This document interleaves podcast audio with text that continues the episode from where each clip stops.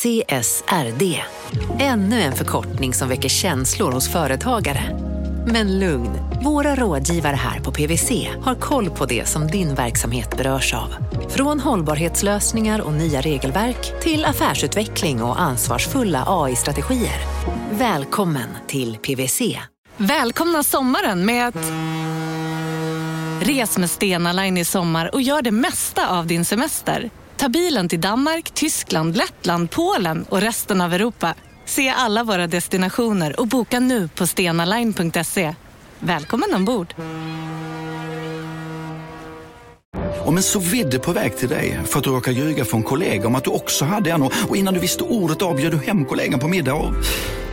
Då finns det flera smarta sätt att beställa hem din sous på. Som till våra paketboxar till exempel. Hälsningar Postnord. Hörrni, det här med tacksamhet, det skulle jag prata lite om er. Välkommen till Filosofiska rummet förresten. Tack. Eh, och, eh, men så här, tacksamhet är liksom en, en känsla som är ganska det är ganska svåruppnåelig känsla. Alltså att så här, åh, den här personen är så tacksam gentemot mig, mot någonting jag har gjort. Det är ganska svårt att komma åt. Mm. Och jag har frågat till, går det att köpa tacksamhet? Eh, mitt filosofiska spontana svar är nej. Fel! Det går att köpa tacksamhet. Det kostar 49 kronor i månaden. Man går in på kapitalet.se support. Då får man vår eviga tacksamhet i utbyte mot 49 kronor varje månad. Och man får Kapitalet, Sveriges bästa ekonomipodd. Helt reklamfri, Jakob. Inte dumt. Vi har också en ny tjänst på, säger det. Mm. Ja, vi har fixat med en ny tjänst som gör att man ska kunna lyssna eh, i, på eh, kapitalet utan reklam i sin vanliga poddspelare. Eh, tekniken i samhället går framåt. Det är typ möjligt nu. Det är, också vi, det är vi tacksamma för också, att Det- tekniken ja, i samhället går ja. framåt. Tacksamheten flödar. Ja. Kapitalet.se support. Tack. Från Monopol Media, det här är Kapitalet Sommar med mig Åsa Secker. Och med mig Jakob Bursell. Den här veckan så ska vi lyssna på en eh, inte jättegammal favorit. Eh, Det här avsnittet sändes första gången eh, våren 2019. Mm. Det här var en tid när jag var pappaledig och, och jag liksom konsumerade kapitalet. Jag minns det här avsnittet för att det var så bra. Det var också tiden då du Åsa började jobba heltid med kapitalet, vilket ju var en milstolpe. Eh, Men avsnittet är ju då ett uttryck då för vårt och kanske i synnerhet Gunnars intresse för standarder och vad de betyder för världen. Eh, Vi har gjort ett avsnitt om containers betydelse för världshandeln. Eh, Det är avsnitt 67 för den som är intresserad. Också en gammal favorit. Mm. Men den här veckan så handlar det om Träpallen. Och du, Åsa, du besökte ju ett, måste varit ett av världens största liksom så här, träpallsfabriker. Va? Alltså jag tyckte att det var gigantiskt. Jag tror inte att de är så stora med internationella mått faktiskt. Nej, okej. Nej. Synd. Ja. Va, vad minns du från resan? Eh, Jag minns att det luktade väldigt mycket trä och att jag men du vet, jag kände mig som en sån jävla stockholmare. Man kommer ner där på det här träföretaget och liksom vet inte hur någonting funkar. Den här jättetrevliga mannen som jag träffade förklarade allting väldigt pedagogiskt. Men du vet, man känner sig lite så, Mm. tjejen från stan, dum och fascinerad över hur det funkar på riktigt. Typ. När en tall blir en träpall. Det finns ju en del interiörer från fabriken i avsnittet. Eh, men en, en del saker får man inte reda på. En sak är liksom hur, hur stort det var. Så här, och är det massor med maskiner som flyger omkring och robotar och grejer? Alltså det var ju flera olika gigantiska byggnader. Liksom, I ett hus så sågas det i olika bitar, i ett annat så kanske det spikas ihop och du vet, i ett tredje så lagras det. Så att man gick omkring, och när man gick omkring mellan de här husen så var det en massa sådana liksom gaffeltruckar som kom i hög fart med olika, så man var ju tvungen att ha någon slags eh, typ gul väst eller någonting på sig så att man syns, så att man inte blir påkörd av olika liksom, fordon som är runt och jobbar. Och så måste de också ha ett berg av nytillverkade pallar som lagras någonstans. Ja, ja, ja. Och det görs också olika steg för det ska torkas och sådär. Så det var ju liksom gigantiska hallar. Mm. Ja. Kul med fabriksbesök. Underbart. Ja. Ja, vi lyssnar eller? Det gör vi. Ja. Gunnar, det finns ju saker som är men, så himla enkla och komplicerade att man liksom glömmer att de är sjukt smarta. Och att det faktiskt är någon som har uppfunnit dem. Alltså, jag, jag tänker inte på så smarta tekniska prylar, datorn, telefonen, utan så här helt analoga, väldigt simpla grejer som man liksom kan se hur de har satts ihop bara genom att titta på dem. Jag tänker att tumstocken är en sån grej. Eller gångjärnet typ. När du säger tumstocken så kommer jag tänka på vinkelhaken som är också en sån otroligt genial grej. Eller, och jag vet att den här uppfinningen har fått ganska mycket cred, men alltså kom igen, hjulet. Vilken uppfinning det är ändå. Hjulet sopar banan med alla andra uppfinningar. Ja. Eh, Det här avsnittet ska handla om en sån grej, eh, men det ska inte handla om hjulet. Den används för att jämna ut skillnader kan man väl egentligen säga. Det kan man säga. Framförallt så är måtten på den, alltså själva, själva eh, utseendet, det är nog ganska så cementerat. Den har i princip sett exakt likadan ut i 70 år. Vi sponsras av Storbrand Asset Management som ju förvaltar över 1000 miljarder norska kronor, bland annat för SPPs eh, många pensionssparare. För två år sedan så investerade Storbrand i drygt 60 tåg, alltså tågvagnar, eh, som rullar mellan London och Skottland. De leasar sedan de här tågvagnarna till tågoperatören som alltså kör tågen och säljer biljetter och sånt eh, med ett avtal på 27 år. Så britterna får nya fina tåg och Storbrands kunder, eh, däribland alltså SPPs pensionssparare, får en inflationsskyddad avkastning med låga risker under lång tid. Det här är ett av supermånga exempel på hur pensionskapitalet i växande omfattning bidrar till att bygga samhället och inte minst till att klara klimatmålen. Det behövs elproduktion, elnät, batteriparker, nya transportlösningar och allt möjligt. Bara i Europa antas investeringsbehovet för att klara klimatmålen uppgå till tusentals miljarder dollar. Och det här är ju pengar som ganska ofta saknas i statsbudgetarna. Däremot är det här pengar som pensionsbolagen kan vara med eh, och stoppa in, vilket ger pensionsspararna en fin avkastning under lång tid samtidigt som man är med och ställer om samhället.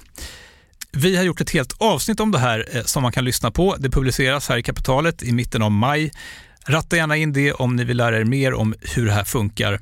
Men tack säger vi till Storbrand Asset Management som ju investerar i alla tänkbara tillgångslag, bland annat för pensionsbolaget SPP. Och tillsammans försöker ju vi, Storbrand och SPP, öka medvetenheten om hur pensionerna funkar och vilken roll pensionerna spelar i samhället och i ekonomin. Och Den har ju inte bara förändrat själva transporten. Den har ju också revolutionerat hur vi lagrar produkter. Idag handlar kapitalet om lastpallen. Eh, Alltså lastpallen är ett fantastiskt redskap. Ett fantastiskt redskap eh, som inte bara har revolutionerat hur vi transporterar saker utan också har avgjort vilken storlek våra sockerbitar har och hur Ikea designar sina muggar. Och världens mest använda lastpall, vi pratar alltså hundratals miljoner pallar, det är Europapallen. Här har du Europapall, det är därför du är här titt. När vi kommer tillbaka vad några ihopspikade träplankor har betytt för världens transporter och hur den mest populära lastpallen av dem alla, Sveriges kanske viktigaste bidrag till världshandeln, snickrades ihop i Klippan i nordvästra Skåne.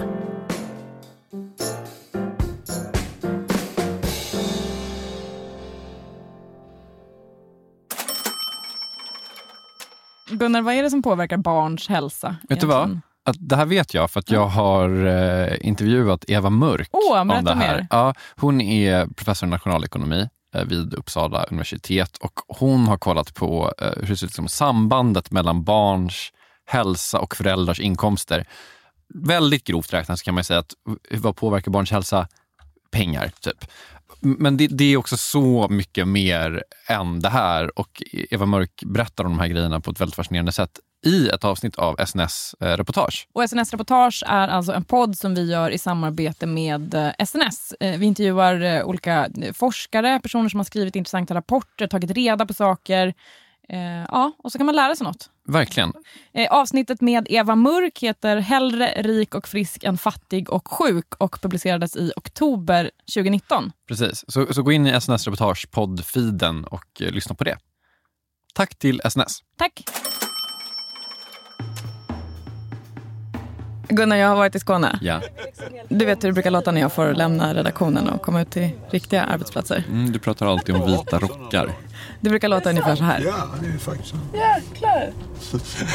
Oj, jag har aldrig sett så mycket trä i hela mitt liv tror jag. Ja, ska se. Detta är. Den här entusiasmen är bekant Nej, det är- med det här det är besöka en fabrik, entusiasmen. Men har du varit på en träindustri någon gång? Det har jag inte. Jag har varit i så här, stålindustri och sånt där. Det, men det är ju så fett att bara se. Det finns ju någonting som är liksom mäktigt med att se något så här urmaterial bli till en produkt. Det är så härligt. Jag är helt med på det. Dessutom så fick jag ha neonfärgad väst på mig. Det är ändå näst bäst efter vit labbrock. Och så luktar det så otroligt gott. Det luktar liksom träd här inne. Ja, det, det är trä. Jag lovar. Det är träd.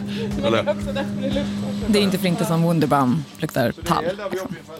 Vem är det som eh, du går runt och luktar med? Det är Lennart Svensson. Jag heter Lennart Svensson. Vi är på Hjulsjö Träindustri i Klippan, Stidsvik. Gyllsjö Träindustri är ett eh, familjeföretag. Lennart var vd en massa år, nu är han styrelseordförande. Lennart är alltså andra generationen i det här företaget. Eh, han har en bror och eh, två kusiner som också är engagerade i det här. Och eh, det var våra fädrar och tillsammans med min mor som startade företaget precis efter kriget 1946. Okej, jag tror vi ska backa bandet alltså. Du tror rätt. Eh, amerikanerna gav sig ju in i andra världskriget efter Pearl Harbor 1941.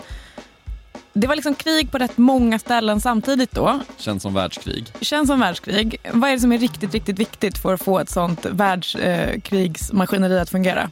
Eh, alltså, jag inte, olika soldater som är beredda att dö för sitt land kanske. Säkert bra att ha, men logistik Gunnar. The big L.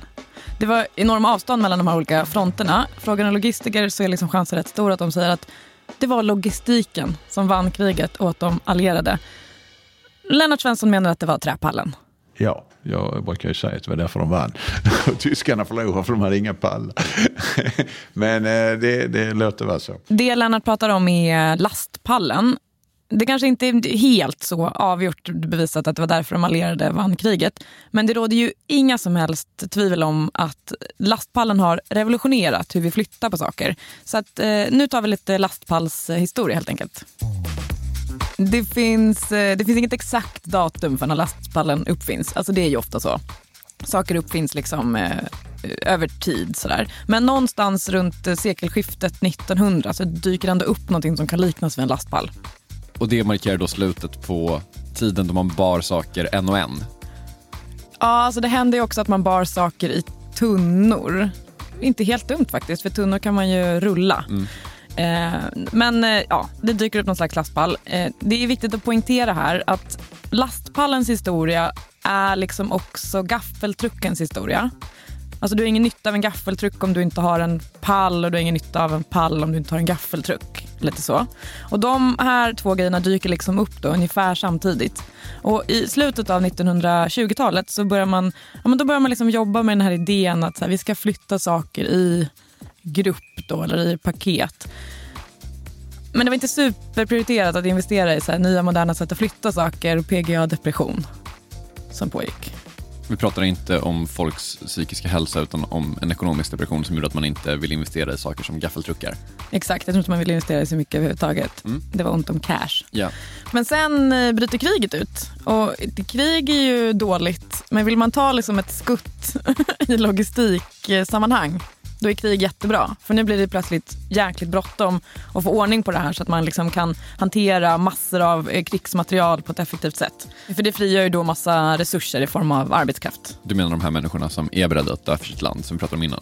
Precis. Och enligt en helt eh, fantastisk artikel i den amerikanska nättidningen Slate så var det en eh, militär vid namn Norman Keiners, brasklapp för att jag inte kan uttala hans efternamn, som tog liksom den här lite halvfärdiga lastpallen som existerade då och kom på att man borde ju ha öppningar på alla sidor så att gaffeltrucken kan lyfta pallen från alla håll.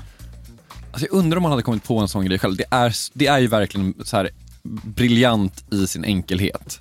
Gör enormt stor skillnad såklart. Ja. Du behöver inte hålla på och liksom härja runt för att komma åt den från rätt håll. Du kan behöver bara- aldrig vrida för någonting. Ta den där Så den är. smart. Ja, det är genialt. Eh, och det fördubblade också produktiviteten i materialhanteringen per person. Det här handlar alltså om tiotals miljoner pallar med grejer som ska skeppas ut under kriget. Så en fördubbling av produktiviteten per person, det är ganska bra. Okej, så det är det här läget som lastpallen enligt Lennart Svensson vinner kriget åt de allierade. Så kan man säga. Eh, kriget tar slut, amerikanerna ska dra sig tillbaka och då kan man ju tänka att så här, gud vad jobbigt att ta med alla grejer som vi har skeppat över till de olika fronterna runt om i världen. Äh, vi lämnar lite, vi lämnar lite prylar efter oss. Det är okej. Bland annat lite gaffeltruckar. Ah. Ja. En sån här efterlämnad gaffeltruck lyckas Helsingborgs Fryshus lägga vantarna på. Men för att kunna använda en gaffeltruck så måste man ju lasta varorna på en pall. Så då kom de upp, de hade väl någon kontakt. Kom och frågade om de kunde göra lastpallar och det är bara att konstatera att det visste ju inte bröderna Svensson vad det var, vad en lastpall var. Men när de väl fick se en ritning eller förstå vad det var så var det ju mycket bättre att göra lastpallar än att göra grönsakslådor. För det var lite mer virke, det var lite rejälare och alltihop. Ja, det är klart att bröderna Svensson kunde göra lastpallar, det var väl inga, inga konstigheter. Och sen rullade det på.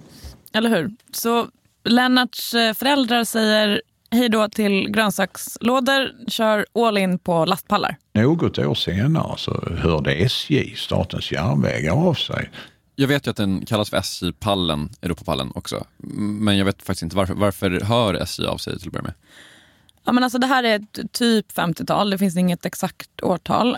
Då transporterade man ju fortfarande typ allt eh, med tåg. Det var liksom inte lastbilar som det är mycket nu. Och SJ hade varit i kontakt med företaget BT eh, som fortfarande finns. Det var kanske de som drev på den här utvecklingen faktiskt om man ska vara ärlig. De tillverkade gaffeltruckar. Det var någon på BT som hade varit över i USA och bara sett den här geniala grejen och bara shit jag ska ta det här till Sverige. Eh, så att BT och SJ eh, de liksom slår sina påsar ihop och bara vi ska ta fram en pall som gör att vi kan frakta grejer på den svenska järnvägen eh, sjukt eh, effektivt. De kan det här med järnvägar och gaffeltruckar men de kan ju inte det här med trä. Så då hör de av sig till Gyllsjö för de tillverkar ju redan någon slags pall. Och då så blev det det som kallas då SJ-pallen. Ja, kanske inte världens mest eh, slagkraftiga namn, men, men okej. Det är en bra konstruktion. Det är en extremt bra konstruktion. Det Vad är det som är bra med den? Den är fyrvägs, du kan hantera den fyra håll. Den är eh, väldigt stabil på alla sätt. Den tål en väldigt tuff hantering. Den, eh, ja, det är en flexibel, du kan lägga den, det såg du här ute vid flätan, lägger den i varandra sparar vid transportvolym och, så vidare. Så att det, det, det får jag säga, det lyckades de. Så när SJ och Lennarts förfäder och BT slår sina påsar ihop, det är inte så att de så här kommer på ett helt nytt system som så här revolutionerar transporten, utan de tar ett och gör det lite förändrar det lite efter liksom de svenska förutsättningarna. Typ. Ja men exakt, anpassa det så att det liksom funkar bra på den eh, svenska järnvägen. Det är Ja. ju liksom fortfarande en lastpall som är rätt lik de lastpallar som finns vid den tiden, får man ändå säga. Fattar. De här tre tar fram den här pallen och så går det några år. Europa börjar liksom vakna till liv efter kriget och inser att okej, om vi ska frakta grejer kors och tvärs över hela den här kontinenten, då skulle det vara så himla smart eh, om vi kunde ha en pall, en standardiserad pall som alla grejer ligger på. Så att eh, UIC, som är den internationella järnvägsunionen, de får i uppdrag att eh, styra upp det här. Och 1961 så kallar de eh, till ett möte i Paris. Det var ju så inför det mötet där i Paris inom UC. Va? Så fick, så, eh, detta var ju ett antal år efter kriget men de flesta länder hade ju fortfarande kämpigt efter kriget. Det var två länder som har klarat sig bra. Och det var Sverige och Schweiz. Vi hade har några islänningar på besök som sa Island och så, men det kanske vi kan bortse. och då, då, ehm, så då fick de, eh, de bestämde vid ett möte att för nästa gång vi träffas ska alla ha ett förslag med så ska vi ha en europeisk pall. Och då, då, då gick eh, SJ fram med den svenska modellen, den som vi hade varit med. Schweizarna kom med en, en annan konstruktion som är mer lik den eh, ursprungliga pallen som amerikanerna hade. Eh, tvåvägspall, Springer Pallet. Och ehm, Jag kan definitivt se var det här är på väg och jag får helt så orimliga patriotiska känslor inför det här. Att säga yes, kanske blir det så att vi kommer vinna det här. Men då valde man den, den svenska modellen. Och de andra länderna hade egentligen inga förslag för de hade andra saker att tänka på än pallar. Så det blev två förslag, då Sverige Schweiz och det var inte svenska och det, det är det som är Europapallen idag. va. Vi vann! Vi vann. Och det är liksom den Europapallen som man fortfarande tillverkar på Gyllsjöträ i nordvästra Skåne. Europapallen som alltså är världens mest använda lastpall. Coolt. Jag har ju varit där Ja. i nordvästra Skåne på Gyllsjö Trä och sett hur det går till när man tillverkar de här lastpallarna. Och jag tänker att det kan väl vara kul om vi kanske berättar hur det går till. Ja. Gyllsjö producerar alltså ungefär 8 till 9 000 pallar om dagen. Det är så mycket. Det är mycket. Det är inte bara Europapallar utan det är också olika specialpallar till olika företag. Men processen är typ densamma. Man kan sammanfatta det så här. Träden kommer från skogen till Gillsjö.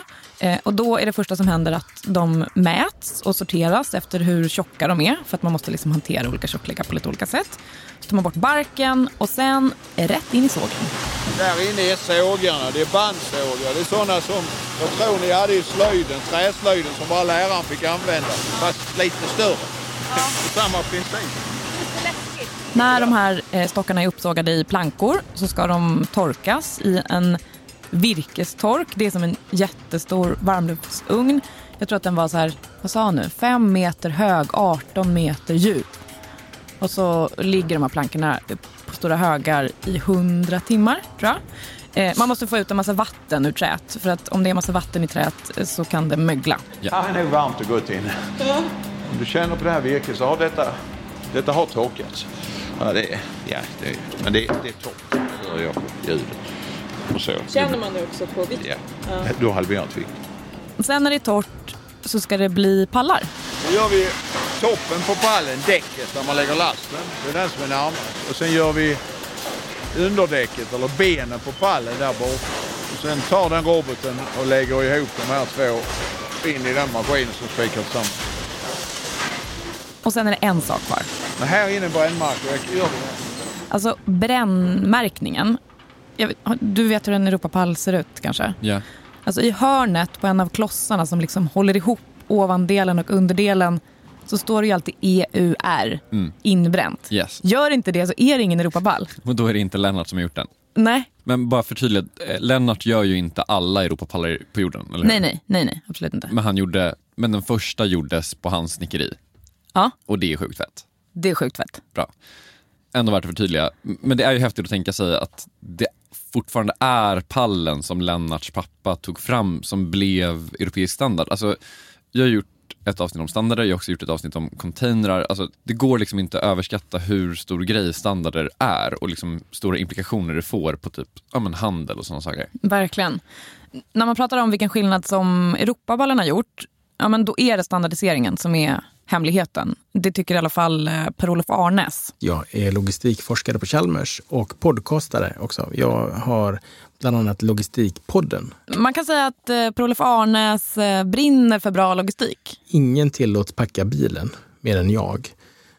Och där har man nytta av all Tetris man har spelat då, genom åren och sin, sin lite grann sjukliga drift för den här perfekta fyllnadsgraden då, i en lastbärare. Man älskar ju människor som brinner för sitt jobb och kanske framförallt folk som brinner för sina logistikjobb.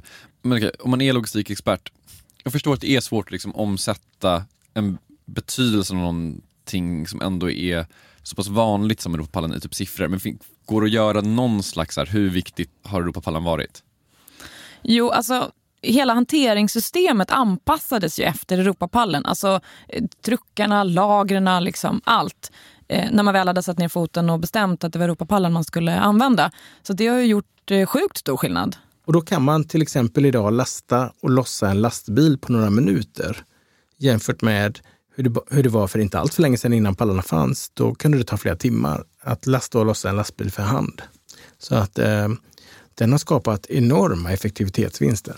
Okej, från timmar till minuter är kanske så nära vi kommer då. Men, men från timmar till minuter är ju asbra. Alltså det är ju ändå en, en supereffektivisering. Absolut. Eh, och man kan bryta ner det där lite grann. Eh, och då handlar det om ställtider, menar Per-Olof Arnes. Då. Alltså en lastbil är ju ganska dyr.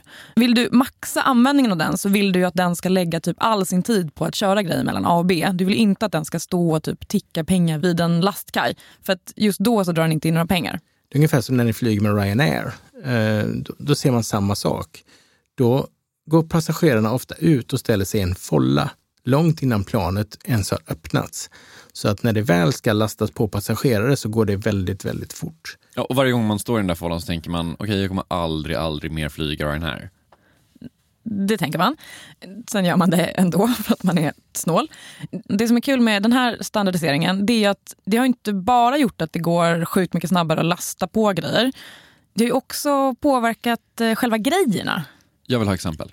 Eh, det finns ett klassiskt exempel. Det handlar om sockerbiten. Jag har kollat upp detta faktiskt. Enligt eh, historien då så är storleken på snabbbitssocker anpassad efter storleken på en Europapall. Snabbbitssockerbitar är lite större än vanliga sockerbitar för att de innehåller lite mer luft.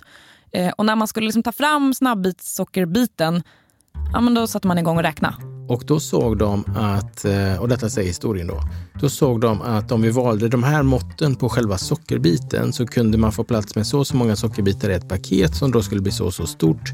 Och då skulle man få så och så många kartongskikt i varje eh, per meter och sen så skulle, det då kunna, skulle man då kunna fylla ut pallen lite bättre än vad man gjorde när man hade de här kompakta bitarna.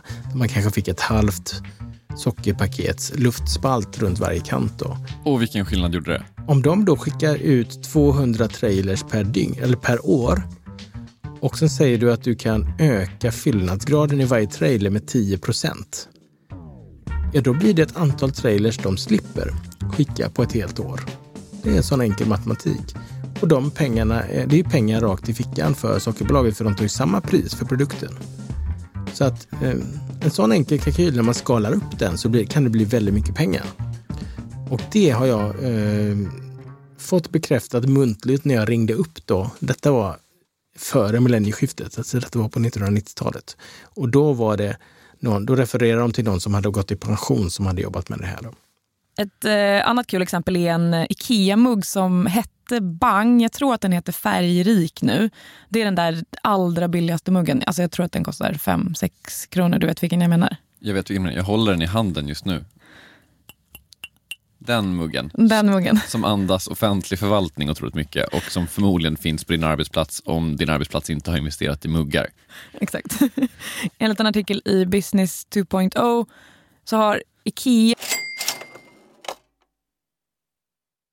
Kapitalet sponsras av Master Exchange, plattformen där du som privatperson kan investera i låtar och får pengar varje gång de här låtarna spelas.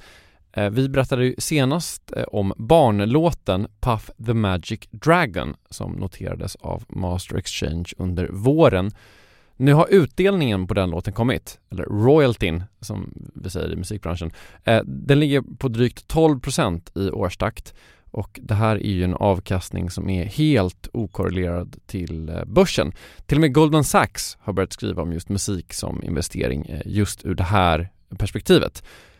Nu finns en möjlighet att investera i en ny låt. Eh, låten heter Boss Bitch och den är av Doja Cat som, alltså jag ska inte säga att jag är superdeep här men det är ändå en, en, person som jag vet om det är. En, en världskändis.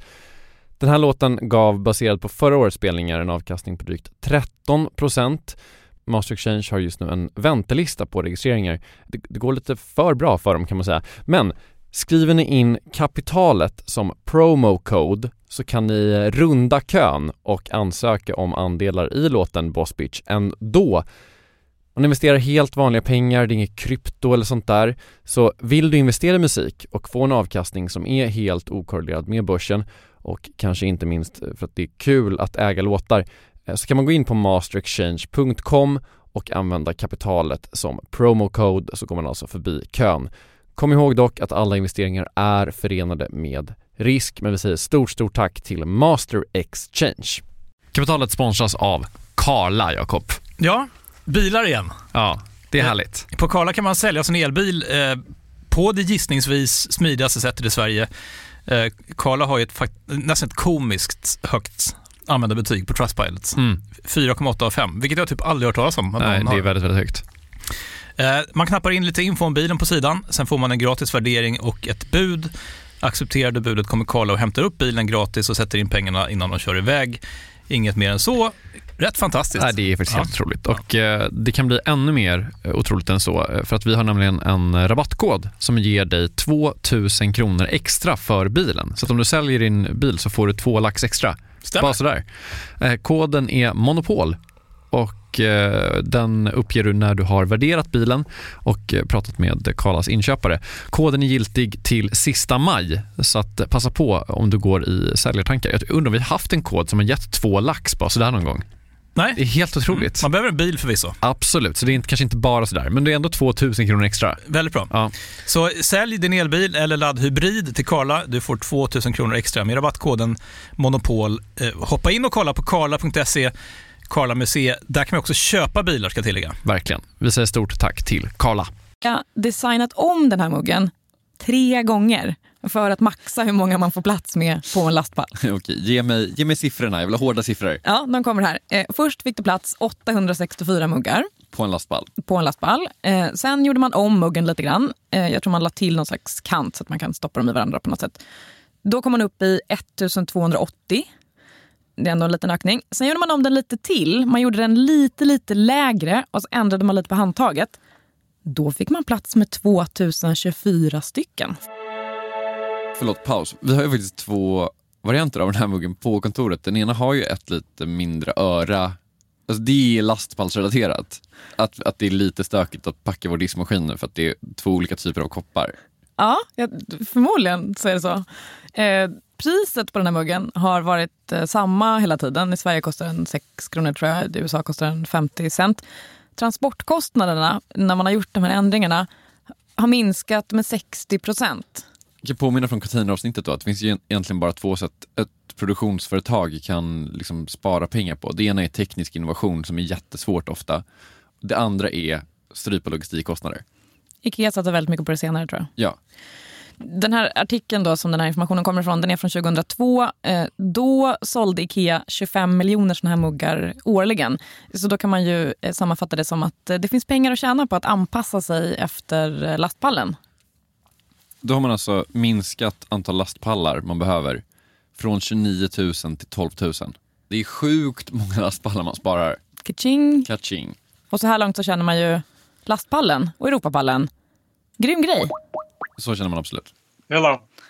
Hello, is this Mark White? It is indeed. Men eh, enligt en person som heter Mark White så finns det ett problem med Europapallen. It can increase our shipping costs by 16 to 17 percent. Vad 17 han snackar om efter det här. Vi har ju länge haft ett samarbete med Tessin. Och det är vi jätteglada för. Verkligen, mycket glada. Eh, inte bara för att de ger eh, privatpersoner möjligheten att investera i fastighetsprojekt eh, och få avkastning på det, eh, ska tilläggas, utan för att de också ser till att saker byggs. Ja, så här på kontoret så brukar vi tänka på det i termer av att Tessin bygger det här landet. Mm, verkligen. En sak som de har varit med och finansierat, eller hjälpt till att finansiera, det är en ombyggnad av en kommersiell fastighet i Vänersborg. Låter inte så sexigt alltid, men, men eh, det är så här de jobbar. Någonting behöver byggas om eh, och i det här fallet så var det eh, ett Friskis och Svettis och ett racketcenter som skulle flytta in. Och då fixar man pengar till det. Tessin bygger alltså inte bara landet, de håller landet i form också. Får man säga det? Verkligen. eh, knappt 2,5 miljoner fick man ihop på åtta timmar. Jävlar, det är bra. Eh, och eh, 7 procent i avkastning till investerarna. Ja, det är otroligt. För att få reda på vad Tessin har för projekt på gång så går man in på tessin.se. Eh, där kan man också signa upp på ett nyhetsbrev om man vill veta liksom direkt när det kommer upp nya projekt.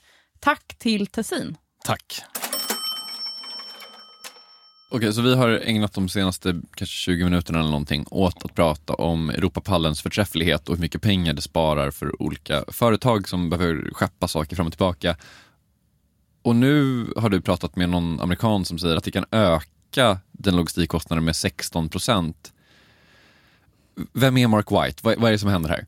Alltså, enligt Lennart Svensson så är Mark White eh, inte vem som helst. Han har ju varit en gurun i branschen i världen om man uttrycker sig så. Pallguru. Ja, han har varit. Han är ju pallguru men också formellt eh, professor emeritus i eh, hållbara biomaterial. Och så har han varit chef för något som heter, häng med nu, William H. Sardo Jr. Pallet and Container Research Laboratory and the Center for Unit Load Design. Wow. People ask me, what do you do? I say pallets. They say, you got to be kidding. And, you know, Tillbaka till eh, problemet då. Mark White älskar inte Europapallen, som alltså är världens mest använda lastpall. För att få lite perspektiv, enligt Marks uppskattning så produceras det omkring 3 miljarder lastpallar om året i världen. Europapallen är alltså den mest använda.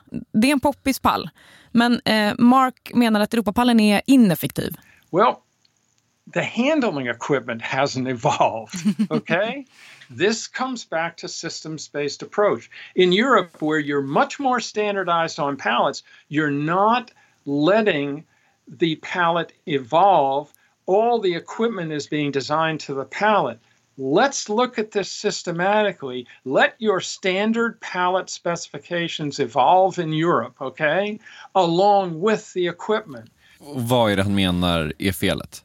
If you look at the TC technical specification in ISO for the pallet truck, Det här kan jag. Det här är ISO är International Organization for Standards. Exakt. it's over 95 millimeters high. Well, you have to have an opening in your pallet over there to get that thing in. well, that's ridiculous. It increases the height of the pallet by almost an inch or 22 millimeters, and that reduces shipping efficiency across the board. Det han säger här det är alltså att de europeiska gaffeltruckarnas Alltså själva gafflar. Alltså stängerna eller vad man ska ja, säga. Ja. det här som ska liksom in i lastpallen.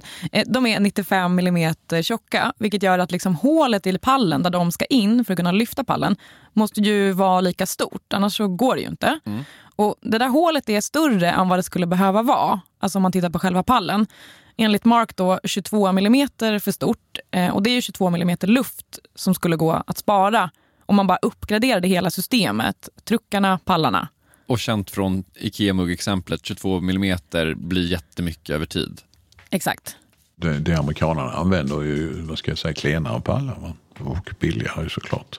Det är materialet som kostar mest i en pall. Eh, och det har vi diskuterat för. Det vill jag ju påstå att amerikanerna är ju så snåla så de tullar ju på allt som finns. Och till slut, och gränsen är ju någonstans där det inte går längre. Va? Standardization is great. Don't get me wrong, but standards should evolve. And they're not evolving fast enough in Europe. And in Europe, we're sacrificing a significant amount of efficiency. Om vi tar USA som han har sin referens så har de ju, alltså de har ju inga standardiserade pallar. Amerikanerna hatar ju standardisering. De hatar ju att någon ska bestämma någonting över dem. Det, Okej, så Mark versus Lennart. Det är logistikstriden of the century eller någonting. Um, men om, om Mark nu verkligen vill att Europapallen ska uppdateras. Jag måste, jag måste bara säga att jag är typ lite skeptisk. Man måste ju göra eh, själva gaffeln på gaffeltrucken två centimeter eh, tunnare. Alltså, du kan väl orimligen lyfta någonting så tungt då? Jag är inte logistiker, strunt samma. Men Mark då, om man ska ersätta den här med någonting, vad ska man ersätta den med? Alltså den, den stora grejen, och här kan jag ändå hålla med honom, det är att han tycker att alla lastpallar världen över ska vara lika stora. För det är de inte idag. Det skulle ju vara praktiskt. Europapallen är ju standardiserad i Europa, men på andra ställen så använder de eh, lite andra mått. Europapallen är 800 gånger 1200 mm stor. Eh, men sen finns det ju då ett gäng andra varianter ute i världen. We should be on one size. The 1200 by 1000 should be the international size. Alltså det är ingen slump att han föreslår just eh, 1000 gånger 1200. Den vanligaste pallen i USA den är 40 gånger 48 tum för att de vägrar använda metriska system. Vilket motsvarar 1016 gånger 1219. Alltså nästan 1000 gånger 1200. Okay. Wait a minute. Could we run a 1200 by 1000 through our supply chains here? Yes, we can. Det han föreslår är alltså att alla andra ska anpassa sig efter det USA har nästan eh, och USA ska bara behöva ändra sig några millimeter. Mm, exakt. Han har inte bara föreslagit det här för mig då, utan han har föreslagit det här för eh, ISOs tekniska kommitté. Och vad händer då? I was summarily voted down by every other country in the world Why? because everybody loves their pallet size. det är ju varit trevligt om de anpassar sig till vår standard. Såklart. Alltså min känsla är så här. Europapallen har sett nästan exakt likadan ut i 70 år. Jag tror att den kommer se likadan ut ett bra tag till. Dock så kan man ju tänka sig att det är andra saker i världen som kommer att förändras, som kommer att påverka behovet av Europapallen. Idag finns det ju sådana 3D-skrivare. kanske om vi ska köpa en mugg som vi dricker kaffe av nu här så istället för att köra till affären och, köpa den så kanske vi bara går in på nätet och köper en fil och så skriver 3D-skrivaren ut en mugg. Va? Är det inte sant? Jag har ingen aning men eh, du är yngre än mig så du kanske tänker bättre. Men då behövs ju inte papper. Okej, så vi avslutar med någon slags dystopi då. En värld utan pallar. Det skulle vara en hemsk värld. Jag tror inte att det kommer bli så. Du har lyssnat på en eh, sommarrepris, kan vi väl kalla det, av Kapitalet. Det här programmet sändes första gången våren 2019. Eh, programmet gjordes av mig, Åsa Secker. Det mixades av Kristoffer Krook. Eh, vi är tillbaka nästa vecka med en ny gammal favorit. Eh, tills dess så önskar vi en eh, fortsatt riktigt skön sommar.